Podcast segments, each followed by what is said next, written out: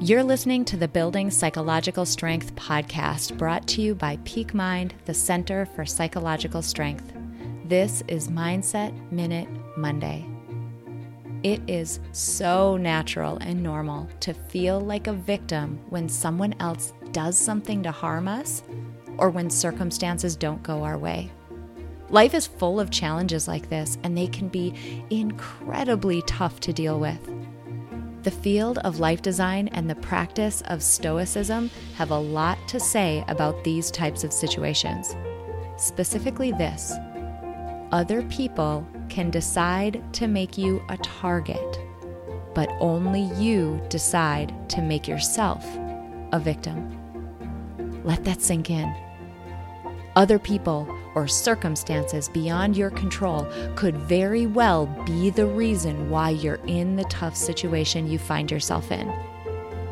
But only you get to decide what you do next. Your decision to take control and accept responsibility or not will determine whether you are a victim.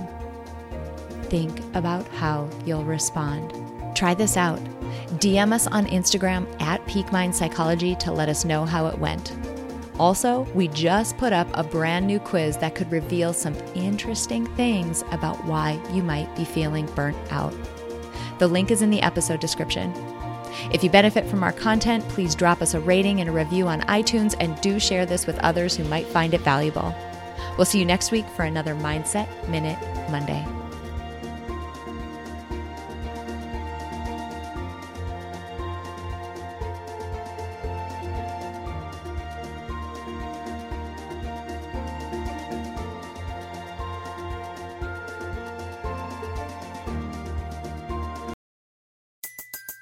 Everybody in your crew identifies as either Big Mac Burger, McNuggets, or McCrispy Sandwich.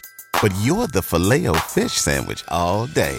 That crispy fish, that savory tartar sauce, that melty cheese, that pillowy bun. Yeah, you get it. Every time. And if you love the Filet-O-Fish, right now you can catch two of the classics you love for just $6. Limited time only. Price and participation may vary. Cannot be combined with any other offer. Single item at regular price. Ba da ba ba ba.